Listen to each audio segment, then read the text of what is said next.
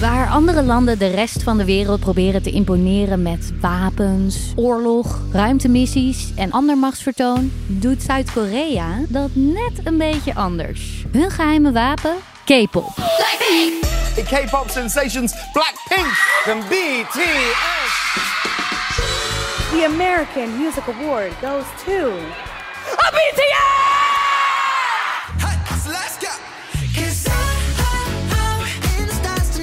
Koreaanse popgroepen als BTS en Blackpink staan regelmatig in de internationale hitlijsten. Ook in Nederland is K-pop super populair. K-pop is voor mij gewoon een ding dat ik zit van, oh, dit is echt een safe space. bands brengen echt iets, een, een boodschap. Het is veel meer eigenlijk dan de muziek alleen zelf. Je kan er zelfs op promoveren. Dat doet Flora Smit aan de Universiteit Leiden. De reden dat ik iets met K-pop doe is niet per se omdat ik dus zelf een fan ben, eh, wat wel heel erg vaak gedacht wordt. Maar dat is wel omdat ik de industrie heel erg interessant vind. Want aan de ene kant heb je dus de glitter en de glamour kant van hoe mooi het eruit ziet en hoe gelukkig en perfect het is. Hè, de perfecte fantasiewereld. Maar aan de andere kant komen er ook heel vaak verhalen naar voren van hè, wat er achter de schermen gebeurt. In deze aflevering spijkert ze ons bij over de bijzondere wereld achter het fenomeen K-pop. En over hoe Korea met popmuziek zijn economische wereldmacht wil vergroten. Neemt Zuid-Korea stiekem de wereld over? Tijdens een wandeling door Amsterdam laat Flora zien dat de Koreaanse invloeden ook steeds vaker opduiken in het Nederlandse straatbeeld. Het bestaat nog geen tien jaar, denk ik, in Nederland. Dus het is heel nieuw. Er staat wel echt een flinke rij hier eh, voor Ja. dit. eh, Dat is dus volgens mij altijd zo hier. Flora bestudeert niet alleen K-pop, maar de hele Koreaanse cultuur, K-culture. De nieuwste hype is een Koreaanse toast, K-food. Deze toast die zien er ook heel mooi uit. Het is heel wit brood en daar wordt dan heel erg veel Koreaanse vullingen in gedaan. Koreaans gemarineerd vlees, ei, gele saus, rode peperpasta. En dat zie je dus ook heel erg vaak in het Koreaanse straatbeeld. En ik kan me voorstellen dat als je dus heel erg geïnspireerd bent door Korea, dat je dat dan zelf ook eventjes wil ervaren. Volgens Flora schieten de hippe Koreaanse restaurants en winkels in Nederland als paddenstoelen uit de grond. Toen ik nog student was, toen waren ze er nog niet. En dat denk ik is echt te danken aan eh, de opkomst van K-pop, K-drama, hier ook in Nederland nu. En denk je nou, ik luister niet naar K-pop, ik hoef geen Koreaans broodje, dus ik heb hier helemaal niks mee te maken? Jawel. De kans is groot dat Korea al meer in jouw eigen wereld zit dan je zelf denkt. Je kijkt misschien tv op een LG, je rijdt in een Hyundai, je belt met een Samsung-telefoon. Omdat natuurlijk Zuid-Korea nu ook echt neer wordt gezet als land wat heel erg mooi is en heel erg verleidelijk, worden die merken ook opeens aantrekkelijker. Dus nu wil je niet meer per se de iPhone hebben, maar nu wil je een Samsung mobieltje, want die heeft BTS ook. En daardoor merk je dat ook de status van dat soort merken heel erg naar een soort van luxe product eh, omhoog gaat.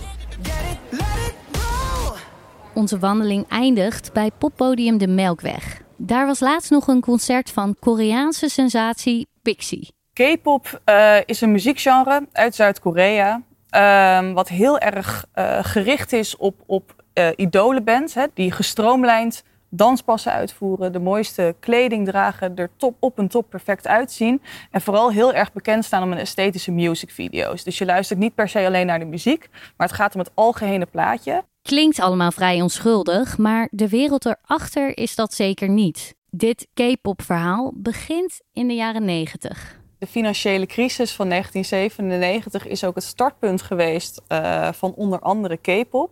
Eh, omdat Kim Dae-jong, eh, de president van toen, eh, eigenlijk heel erg zich had gericht op we gaan cultuur promoten. Klinkt gek, de financiële nood staat aan je lippen en je gaat cultuur promoten. Maar de Koreaanse president zag dat dit werkte in Engeland en Amerika met Hollywood, Broadway, boybands. Wij gaan ook ons land door middel van cultuur voorstellen aan andere landen. Maar er was nog iets aan de hand. Er was angst voor de invloed van buurland Japan. Japan heeft Korea zelf overgenomen eh, in 1910. En heeft ook daardoor een heel groot deel van de Koreaanse cultuur eh, ontnomen. K-culture promoten is win-win. Je biedt weerstand tegen Japan en je kan je eigen economische invloed vergroten.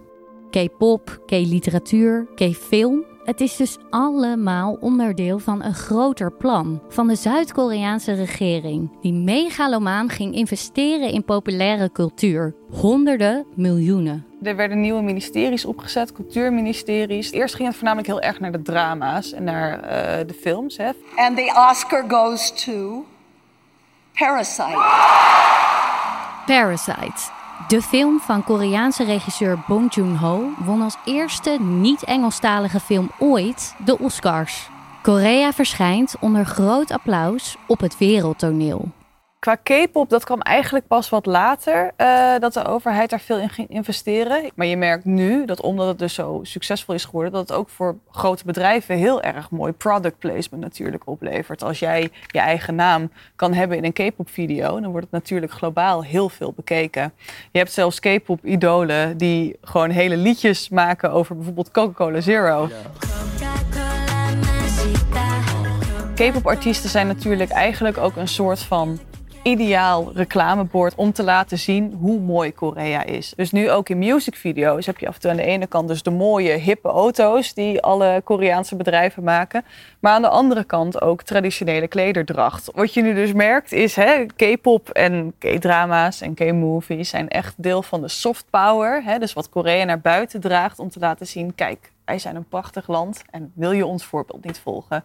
Uh, het verschil dus tussen hard power en soft power is dat hard power is natuurlijk heel erg militaire uh, kracht eigenlijk wat een land heeft. Dus hè, op zo'n manier kan je natuurlijk heel makkelijk een land overnemen. Kernwapens, dus ook hard power, hè, waar Noord-Korea dus eigenlijk probeert meer zijn plaatje te vinden. En soft power is dus eigenlijk dat je een land zo aantrekkelijk maakt dat je het voorbeeld na wil volgen. Uh, en dat is natuurlijk wat Zuid-Korea heel goed doet. En dat Korea daar nu zo succesvol in is, is best wel bijzonder. Nog geen 70 jaar geleden was het ondenkbaar dat Zuid-Korea deze plek op het wereldtoneel zou spelen. Zuid-Korea is natuurlijk eigenlijk, noemen ze ook wel hè, het, het, het, mirakel van de Han. Uh, die is natuurlijk sinds uh, de Koreaanse oorlog, eigenlijk toen het armer was dan Noord-Korea, nu naar de tiende economie uh, van de wereld gestegen. Dat hebben ze natuurlijk gedaan door inderdaad enorme inzet. Heel hard werken en ook heel erg voor het land. Hè. We gaan het voor onze kinderen beter maken. We gaan het nu voor iedereen beter maken. Het is ruim 70 jaar geleden, die Koreaanse oorlog. En sindsdien wordt er keihard gewerkt om het land weer op te bouwen. En met succes. Maar dat heeft ook een keerzijde. Het zorgt voor veel druk op de jongere generatie om net zo hard te werken en te presteren. In Korea is er een soort education fever, noem je het ook wel. Dus eigenlijk al van heel jongs af aan. Hè? Dus niet alleen trainees die gescout worden vanaf een elfde. Maar ook als je nog op de basisschool zit, dan ga je eigenlijk al na een school, naast je school, om nog harder uh, te kunnen studeren. Omdat in educatie ligt de toekomst.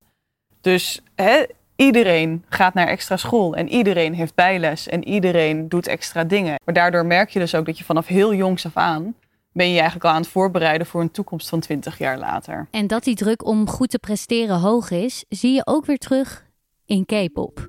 Vaak uh, beginnen K-pop-idolen een beetje aan hun training nou, rond hun 11, 12e. Vaak nog erg jong. Dus het zijn vaak jonge tieners uh, die gescout worden of zelf op auditie gaan om bij zo'n agentschap terecht te komen.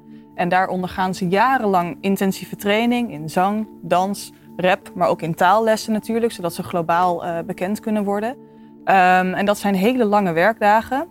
Dus de agentschappen, dat zijn eigenlijk echt degene die de K-pop-idolen vormen tot wat ze zijn. Dus zij uh, gaan op onderzoek van, nou, wat doet het goed in de markt? Hè? Wat willen fans tegenwoordig? Welke persoonlijkheden doen het goed? En op basis daarvan worden de groepen ook gevormd. Dus van, nou, jij bent de stoere rapper. Jij bent uh, de onhandige, schattige jongen. En oh, dat is een leuke combi en die gaan we bij elkaar zetten. Zodat eigenlijk elke fan iets van zichzelf of iets wat ze leuk vinden terug kan vinden in dat idool. En zeker daarna merk je dat als K-pop-idool, als je dan debuteert, hè, dan, dan lijkt het zwaarste gedeelte achter de rug. Maar dan kom je dus ook ten overvloede van alle fans en alle paparazzi en alle social media. En dat creëert heel veel druk op de K-pop-idool om altijd maar dat perfecte plaatje te kunnen laten zien. En is dat dan anders dan de westerse artiesten die we kennen? Want het klinkt wel enigszins hetzelfde. Ja, natuurlijk. Uh, er zijn heel veel overeenkomsten tussen westerse artiesten en Koreaanse artiesten. Wat je wel heel erg merkt is dat bij K-pop-idolen beginnen de fans al een rol te spelen voordat ze nog officieel gedebuteerd zijn. Dus bij westerse artiesten merk je heel vaak dan. Dan komt er een Billie Eilish, En dan krijgt ze fans. Er komt een Nicki Minaj en ze krijgt fans. Bij K-pop-idolen begint dat al iets eerder. Als aanstormende K-popster is de kans groot dat je mee moet doen aan een talentenshow waarin het publiek kiest wie er uiteindelijk in de K-pop-band komt. En dat legt volgens Flora een van de problemen bloot. Dat deze jonge mensen dus echt afhankelijk zijn van de stem van hun fans om het door te breken. Wat je ziet is dat de fancultuur dus ook eigenlijk heel erg het idee heeft dat ze een klein beetje recht hebben op hun idolen. Dus dat de idolen zich ook een klein beetje moeten houden aan wat de verwachtingen van de fans zijn. En die zijn natuurlijk hartstikke hoog, want het wordt, ze worden neergezet als een soort supermensen.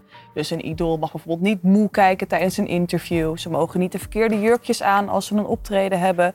Uh, ze mogen natuurlijk geen drank uh, te veel doen. Ze mogen geen drugs doen. Ze mogen eigenlijk liever ook niet daten. Als er een K-pop-idool gaat trouwen, is dat meestal ook, uh, krijgt dat heel veel kritiek vanuit bepaalde fans. En die willen dan ook dat, het, dat die weggaat, dat diegene uit de groep gaat. En dat is natuurlijk ook heel veel idolen worden ook neergezet als een soort onbereikbaar slash bereikbaar vriendje. Je kan ook echt die idolen ontmoeten en je kan ze brieven sturen. En ze hebben ook heel innig contact via social media.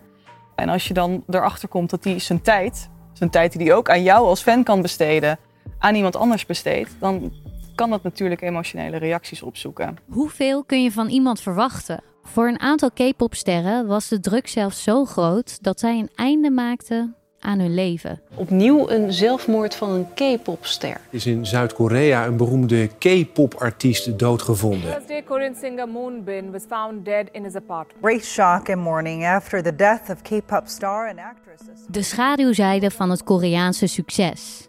Het mag niet mislukken. Korea heeft zijn plek op het wereldtoneel veroverd. Wat betekent dat voor ons? Korea is, wordt niet echt gezien als dreigend, omdat het zelf eigenlijk altijd het slachtoffer is geweest van andere landen. Het is natuurlijk heel vaak is een beetje het strijdveld geweest tussen China en Japan. Heel veel oorlogen tussen die twee landen, ook vroeger al, hebben plaatsgevonden op het Koreaanse schiereiland. Um, en daardoor zien wij Korea meer als juist als een land dat, wauw, kijk eens hoe mooi dat dat helemaal zo gegroeid is, ondanks alles wat ze hebben meegemaakt in hun verleden. Dus dat voelt veiliger. Het is altijd wel grappig dat het Westen heel erg bang is om uh, invloeden van andere culturen te krijgen. Terwijl wij zelf natuurlijk als het Westen niks anders hebben gedaan in de afgelopen eeuwen dan onze cultuur over de wereld verspreiden. Um, en ik denk juist dat het heel erg goed is dat sommige groepen zich meer gehoord voelen. Um, dus ja, het zal zeker een impact hebben. Ik denk niet dat het negatief is en ik denk niet dat het zo dramatisch is als dat ze ons zullen overnemen en dat wij opeens allemaal zoals BTS eruit zullen moeten zien. Maar het zou wel leuk zijn. ik weet niet of ik dat mag zeggen, maar dat lijkt me stiekem heel leuk. Oh. Dat mag je zeker zeggen. Dank je Flora. En vond jij dit een leuke podcast of een leuke video? Vergeet je niet te abonneren. Vinden we leuk. Tot de volgende!